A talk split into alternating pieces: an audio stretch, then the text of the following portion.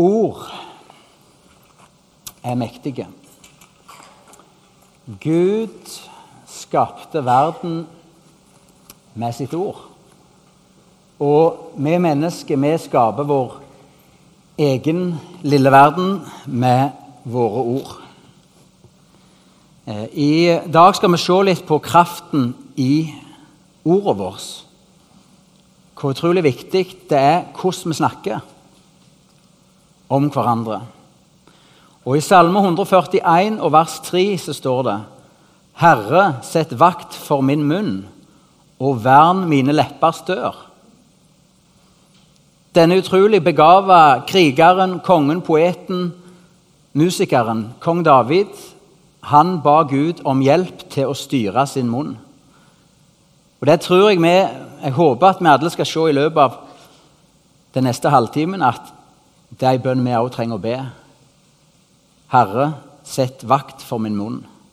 Vern mine leppers port. Det er utrolig godt å høre gode ord. At noen sier noe godt til oss eller om oss.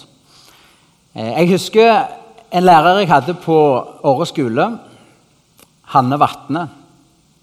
Hun var utrolig god til å se det positive og legge vekt på det. For når jeg begynte på ungdomsskolen, så var jeg en ganske opprørsk ungdom. Mye energi og sinne og alt mulig inni meg. Jeg var skikkelig skoleleie. Og Da kunne Hanne være en lærer som sa gutten har energi, og den vil han få bruk for. Og Jeg hadde problemer med dobbel og enkel konsonant. og jeg vet ikke hva jeg ikke hadde, Men da kunne Hanne si gutten har fantasi. Så De ordene hennes de bærer jeg med meg ennå i dag. For hun så noe godt i meg, og så bekrefta hun det. Jeg snakket en tid tilbake med en professor på Menighetsfakultetet i Oslo. Eller en tidligere professor. Og Han sa det i hele hans yrkeskarriere der så hadde han vært heldig av at han hadde hatt et godt rykte som gikk foran han. Og det vil jo si at Når han kom ha forelesning, så så eh, studentene med forventning i dag er det han. Spissa ørene og var mottagelig for lærdom, undervisning. Men han sa det, han så hvordan en kollega som hadde et dårlig rykte, hvordan han gjennom hele karrieren sleit i motbakke fordi det dårlige ryktet gikk foran han. Han kunne være sprenglært, han kunne ha de beste illustrasjonene, han kunne være den best forberedt. Men han jobbet imot et dårlig rykte som hadde kommet og sådd skepsis til han. En var gjerne på jakt etter det negative. I Jakobs brev, kapittel 10, så blir 3, så blir eh, tunga vår sammenligna med en ild. For Der blir det sagt at en liten ild kan sette den største skog i brann. Sånn er det òg med tunga. Den kan sette en verden i brann. Og det er helt sant og riktig. Tunga vår, ordet vårt, de kan brennmerke et menneske, takk, eller de kan varme et menneske. Og Det står der i Jakob 3,2.: Alle snubler vi ofte. Den som ikke snubler og feiler i det han sier, er fullkommen. Det gjelder oss hele gjengen. Vi snubler ofte i ordet vårt. Ingen av oss er fullkommen i det vi sier. Men dette forteller oss at det til å snakke det er et stort ansvar. For dine og mine ord er som såkorn som vi sår inn i andre mennesker sitt liv. Som bringer en høst og en avling. Jeg kan med mine ord så inn i ditt liv og dine tanker forventning til et annet menneske. Tillit. Sånn at du ser etter det gode, og så finner du det. Men så kan jeg også så, så skepsis og ja, men det er mye godt, men Dette mennet. Så det er et utrolig ansvar å kunne snakke. Eh, I dag så skal vi stoppe nærmere bestemt for baktalelse. Det er en form for dømmesjuke. Det er rettssak uten en rettferdig dommer, uten at den tiltalte er til stede. Og Vi har det felles her inne at vi har alle erfaring med baktalelse. Vi har alle baktalt noen, og vi har alle blitt baktalt. Å snakke bak ryggen på noen det er et begrep som vi kan kjenne igjen. Det som skulle vært sagt direkte til personen, det blir sagt bak hans rygg. Eller det som gjerne aldri skulle ha blitt sagt. For det er en del ting vi bare skal bite i oss. Det blir sagt bak ryggen. Og baktale det er det snakke et annet menneske ned. Det er det så negative ting inn i andre sine tanker om en annen person. Ordspråket 1628 sier den som baktaler, skiller venn ifra venn. Det sier litt om hvor alvorlig det er. Baktalelse. Ja, men det er jo bare interessant Nei, det øyelegger vennskap. Det jeg sitter på nært hold. Det øyelegger ekteskap. Utrolig mange ekteskap ligger i ruin fordi den ene eller begge begynte å baktale den andre. Mistillit kom inn. En begynte bare å se det negative. Og baktalelse har lagd menigheter i ruiner. Fått blomstrende menigheter hadde begynt å visne. Og det står i ordspråket 2620 Er det slutt på veden, slokner ilden. Når baktaleren er borte, stilner tretta. Det fører så utrolig mye sånn tretting og endeløse diskusjoner og påstander om hva han sa eller mente eller hva hun tenkte osv. At det splitter opp. Når det tar slutt på veden, så slokner ilden. Det er en kjensgjerning. Og når baktaleren er borte, så stilner tretta. Et av de ordene, greske ordene som blir brukt i Nytestamentet for baktalelse, er katalaleo. Nå er ikke jeg noen ekspert på gresk, men laleo det er jo å tale, og kata kan være, være en preposisjon som betyr etter. Vi kan godt fritt gjengi det med å snakke etter at noen er gått. Ordet som skulle vært rett til vedkommende, er 'etter han er gått'. Og Det kan også oversettes med 'å snakke noen ned'. Baktale er å snakke en annen person ned. Men så er det gjerne noen som vil innvende men kan vi ikke si noen ting, da? Nå vet du hva, Det er utrolig mye vi kan si som ikke er baktalelse. En menighet kan leve godt med heftig diskusjon og uenighet, med ulikt syn. Vi skal være politisk engasjert. Vi skal ha meninger og våge å stå for dem. Vi skal våge å konfrontere hverandre med ulike synspunkt.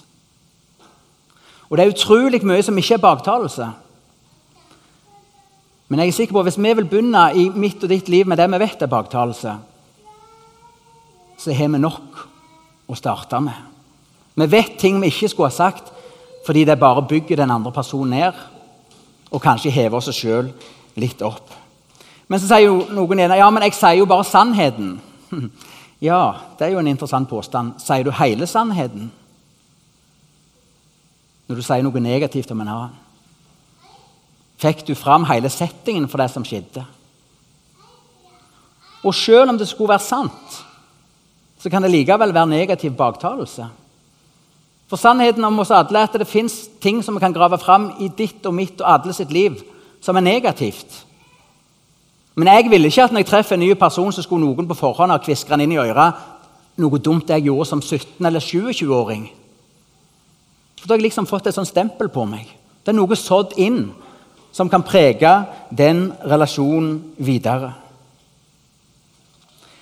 Du kan øyelegge en persons rykte og relasjoner gjennom baktalelse. Og så har vi til og med noen kristne varianter av baktalelse. For baktalelse hører jo ikke hjemme i et kristent miljø, et fellesskap. Men allikevel er min erfaring at det fins. Og av og til fins det rikelig. Vi har noen kristne varianter. Det kan til og med være i noe så flott som setting av et bønnemøte. Eller der han iallfall hadde tenkt en skulle be. Og så kan han komme nærmest med et karakterdrap av en person. Utlevere unødvendige negative detaljer. Og så etterpå si ja, vi må huske på å be for han. Eller noen kan bli stempla som ei elendig mor eller far, og så kan det ramses opp alt som er galt i livet, og dårlige valg og veik vilje. Og så kan han avslutte ja, vi må prøve å inkludere henne. Er dere med? Vi, vi kan baktale, altså Etterpå kan vi legge et sånn fromt dekke over at vi må be, eller vi må tenke på, eller vi må invitere, eller vi, vi må bety noe. Men så har vi egentlig snakket den andre personen så langt ned som det går an å snakkes.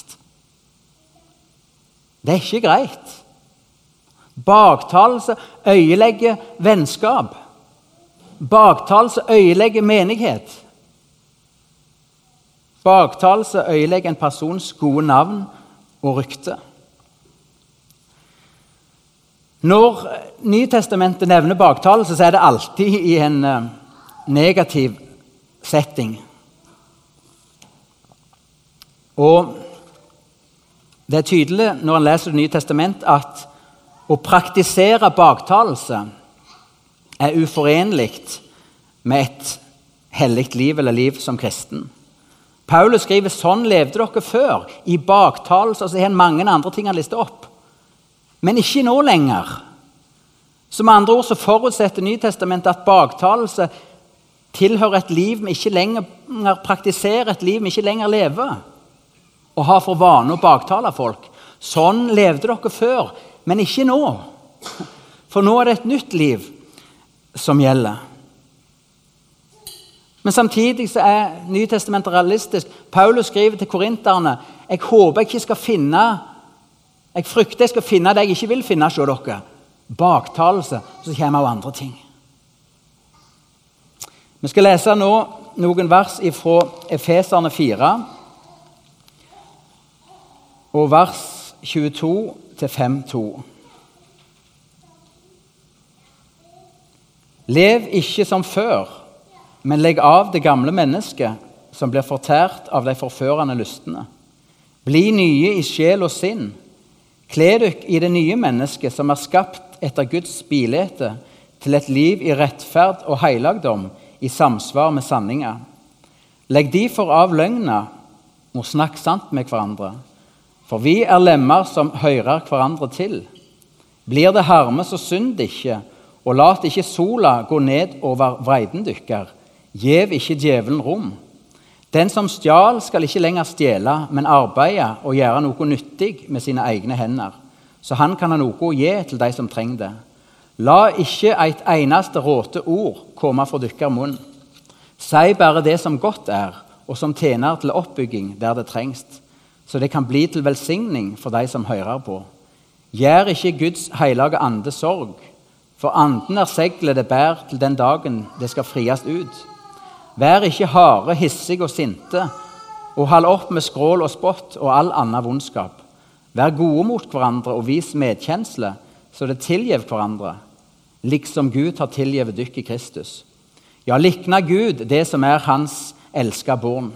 Lev i kjærleik, liksom Kristus elska oss og ga seg sjøl for oss som ei gave og et offer, ei velluktende ange for Gud. Hvordan du og jeg velger å snakke, får store konsekvenser ifølge denne teksten. For deg sjøl, for andre og for det åndelige klimaet i menigheten. Og Det Bibelen sier her, er at hvordan vi snakker, det begynner med hvordan du og meg kler oss. For, for vi har et valg vi må ta hver dag. Far sier det, legg av det gamle mennesket og kle dere i det nye mennesket til et liv i renhet og hellighet. Og Det er en grunnleggende sannhet om oss alle at vi har et gammelt menneske, om du vil. Vår onde natur, som Bibelen sier. Og Der er baktalelse helt naturlig. Det kommer av seg sjøl. Men det tilhører ikke det nye livet, Jesuslivet, som vi skal leve. Så hvordan vi snakker, det starter med hvordan vi velger å kle oss. Om det er det nye mennesket som får prege oss, det nye livet, Kristuslivet i oss, eller om det er det gamle livet som får råd. Så vi kan godt si at Er det mye baktalelse i en menighet, så er det tegn på åndelig forfall. At ting ikke er sånn som de skulle ha vært. At vi tar på oss feil klær, om du vil. Baktalelse sier også, i denne, tekst, den teksten sier også at baktalelse gir djevelen rom. Gi ikke djevelen rom. Lev ikke lenger sånn som før, men kle deg i det nye mennesket. Og Vi vet jo hva djevelen er ute etter. Han er ute etter å forvirre, øyelegge, skape misforståelser, splittelse, mistanker osv. Gi ikke djevelen rom. Jeg fikk mest en liten sånn Ikke sjokk, men jeg, jeg slo opp i en sånn gresk ordbok til Nytestamentet jeg hadde. Jeg visste det jo, men det var godt å bli minnet om det når jeg skulle forberede dette. Det greske ordet for djevel er diabolos. Og det betyr ordrett baktaleren. Djevelen er en baktaler. Den har vært fra den første dagen eller første side i Bibelen vi kan lese om han, når han baktalte Gud overfor Eva. Og Når vi baktaler, så åpner vi bakdøra inn i våre liv og sammenhenger for hans innflytelse. Gi ikke baktaleren rom. For han, han klarte jo å øyelegge Eva sitt vennskap med Gud med sin baktalelse. Trakk Guds godhet og rettferdighet i tvil. Blande litt sannhet med litt løgn. Det er jo ofte sånn baktalelse er. En blander litt som er sant. En liten overdrivelse. Og så satser vi på full pott. Det gjorde den store baktaleren. Og det øyela menneskets vennskap med Gud. For baktalelse øyelegger vennskap. Det skaper skille, misforståelse. Og Videre så sier denne teksten at baktalelse gir Guds ånd sorg. Gjør ikke Den hellige ånd sorg. Vi ser at det er helt vidt forskjellige utfall av om vi taler til oppbyggelse, eller om vi baktaler. Baktalelse gir djevelen rom og gir Guds ånd sorg. Om du vil, så tar den gleden og kraften vekk fra kristenlivet. Det er en høy pris å betale for å si noe som det frister veldig å dele og si. Si bare det som tjener, tjener, til å bygge opp, blir det sagt her. Det er ikke sånn, Bibelen er veldig realistisk. Det er ikke sånn at vi skal hoppe bukk over det som er vanskelig. Vi skal våge å tale hverandre til rette, vi skal formane, vi skal hjelpe på rett vei osv. Bibelen har utrolig mye å si om dette. Men baktalelse er aldri til hjelp. Det er av sitt vesen destruktivt. Det er nedbrytende. Det er det snakke andre ned. Det er det ødelegge tillit og vennskap i familie, naboskap og menighet. Si det som tjener til å bygge opp. Så, så, ikke bare skal vi avstå ifra baktalelse, men vi skal positivt bruke munnen vår til å si ting som bygger andre opp. Til å sette mot i andre. For det gjelder oss samtlige. I alle sitt liv så har vi noe som er negativt, og noe som er bra. Noe som er bra, som trenger å bli sterkere, få vokse og få mer rom i livet. Og Da kan vi begynne å bekrefte det. Tale vel om det. Gutten har energi i plassen for å bare snakke om hvor håpløs han er til å få sitte stilt. Ja, Han må jo lære seg å oppføre seg òg, men det som bygger opp. I Romerne 12,10 står det 'kappes om å hedre hverandre'. Jeg må bare si som en parentes, Når jeg har brukt dette sånn bryllupstale når jeg har via folk, får jeg alltid høre av Hege etterpå ja, du kan bli bedre på hjemmebane. hun, hun, er mye bedre enn meg til å si gode ord. liksom sånn, Til å løfte meg opp med gode ord. Så ja, jeg kan bli bedre. Men allikevel, jeg tror på de gode ordene. Jeg tror på bekreftelsen. Jeg tror på det det hedrer. Jeg tror på det, på det på å legge vekk på det som bygger, ikke det som river ned. Jeg vet ikke om jeg har delt denne før, men før OL i 1994 på Lillehammer Forresten, var det noen som var på OL? Ja, det var faktisk det. Da har vi noen sannhetsvitner eventuelt her. Johan Olav Koss han hadde litt problem hvis jeg husker riktig, med utgangen på svingen. Den så det ikke. Og han, Er du skøyteløper, så går du jo tusenvis av runder, og du trener. Og så står treneren på indre bane, og så sa han dag etter dag Johan Olav Koss, utgangen på svingen sitter ikke. Og Til slutt så ble Johan Olav Koss lei av å høre dette, at han sitter ikke, så sa han kan du ikke heller si noe positivt. Og For den dagen så begynte treneren å si Johan Olav Koss, inngangen på svingen din er fantastisk. Inngangen på svingen sitter. Og vet du hva som skjedde i ukene fram til OL på Lillehammer? Jo, utgangen kom på plass. Og i OL så tok Johan Olav Koss hvis jeg husker rett, tre gullmedaljer. Vi må si det som bygger opp. For det er ikke alltid sånn at vi skal til bunns i alt, eller at vi skal legge alt det negative fram av noen andre før vi kan si noe positivt. Slettest ikke. Men vi heller styrke det som er godt. Så blir i mange tilfeller det andre dreier med. Det gjelder, som Hege vil jeg sikkert har sagt, i ekteskap. Men det gjelder også i menighetsliv, i vennskap. Vi må velge hvordan vi bruker munnen, for ord har makt. Vi kan være med og så gode ord om andre, sånn at godt rykte går foran og rydder vei. Eller vi kan være baktalende og dømmesjuke og så inn negativt, som gjør livet til en motbakke for andre mennesker. Som skaper mistillit, splittelse, misforståelse. Som gir djevelen rom og gir Guds ånd sorg. Så mye betyr det hvordan du og meg taler.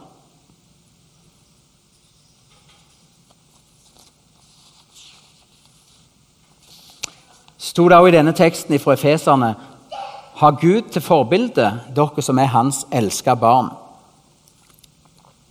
Er Gud en baktaler? Nei, aldri. Gud taler sant, men Gud er aldri en baktaler. Jesus kunne være tøff og irettesette sine disipler, men han gjorde det direkte. Og hvordan er det når vi søker Jesus i, i lønnkammer i bønn? Er det sånn liksom at en høyder er når himmellyset omtrent kommer på og vi får åpenbaringer? Er det da at Jesus omtrent hvisker eller gir oss en sånn minnelse om vet du hva, Sølve, nå skal du få høre Nå skal du få høre hvordan Aslak egentlig er, eller hvordan Knut Are egentlig er, eller hvordan Per er. Og så kommer Jesus med litt sånn sladder og detaljer som de er sanne, men de bare trekker disse personene ned. Sånn er aldri Jesus. Han er ikke en baktaler. Og Får vi vite noe om andre mennesker, så er det for å være til hjelp. Ha Gud til forbilde, dere som er hans elska barn. La oss avstå ifra baktalelse og rått snakk, for det fører ingenting godt med seg. Ja, det er et stort alvor når Bibelen omtaler baktalelse og hvilken konsekvens det får for de med baktale, men vi øyelegger livet, og for baktaleren. Det står i Matteus kapittel 12 og vers 36 og 37. Det sier jeg dykk, hver unyttig ord som folk sier, skal de svare for på dommedag. For etter orda dine blir du frikjent, og etter orda dine blir du felt. Hvert unyttig ord. Og Sammenhengen her, her at Jesus sier rett forut at et godt tre bærer god frukt, og et dårlig tre bærer dårlig frukt. Det hjertet ditt er fullt av, det taler munnen. Derfor, på dommens dag, så skal dine ord enten frikjenne deg eller felle deg.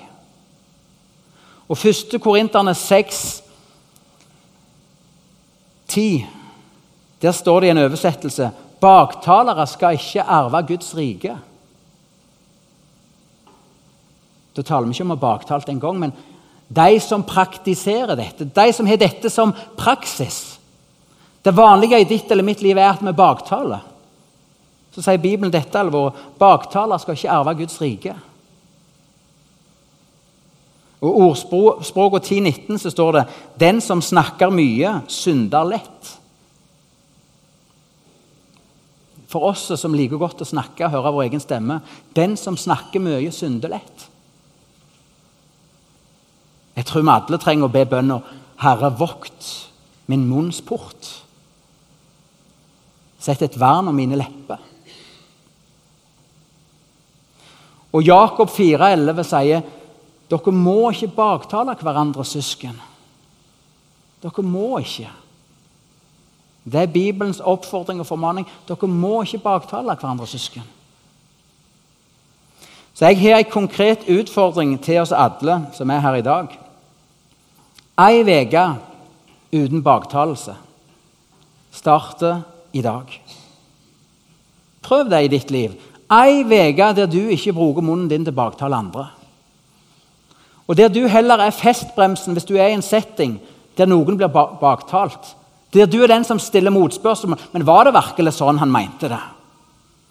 Eller til med gjerne sier jeg syns ikke det er rett å snakke om dette han ikke er her. Prøv det ei uke. Ei uke uten baktalelse. Og i plassen begynn å legge vekt på å tale ord som bygger andre opp. Som framhever noe godt i andre. Begynn å så inn gode ting i livet til andre om en tredje person. Jeg kan garantere deg, Du vil merke og du vil høste frukter av det. Akkurat som du kan være sikker på at du høster frukter av din baktalelse, så vil du begynne å høste gode frukter av å så det som er godt. Det som fører til velsignelse, det som bygger opp. Så min konkrete utfordring ei uke uten baktalelse. Start i dag. Så jeg er sikker på at flere her inne også kan kjenne på en sånn lengsel etter mer renhet på dette området. Mer hellighet. Mer likhet til Jesus. For kanskje det har skjedd i ditt liv at grensene har blitt flytta. Hvis du tenker tilbake i dag, så kan du minnes en tid hvor det ikke var så naturlig å være med på baktalelse. Jeg tror det er flere, eller noen eller mange her inne som lengter tilbake igjen. Til å gjenopprette noen grenser. Til å be Gud om tilgivelse. Til å be Gud om både å rense munnen og verne den. Herre, sett vakt for min munn. Vern mine leppers dør. Det skal vi be. Kjære Jesus, jeg takker deg for ditt ord. Ditt ord er sant. Og nå, Jesus, ser du vi har talt i dag om hvordan vi bruker munnen, og hva makt det er i ord. At det er som såkorn vi sår inn i sinnet og hjertene til hverandre om andre mennesker. Jesus, jeg ber om at du må rense munnen min og munnen vår. Sånn at det ikke strømmer både ord til velsignelse og ord som forbanner mennesket fra vår munn. Jeg ber konkret om at du skal da det heller brenne i munnen vår hvis vi vil baktale. At vi skal merke at dette er feil. At vi skal se alvor i det. Og Jeg ber om at vi skal bli enda mer en menighet, en forsamling, en familie. Mennesker som løfter hverandre opp snakker hverandre opp i plassen for å snakke ned. Vi ber om det i Jesu navn. Amen.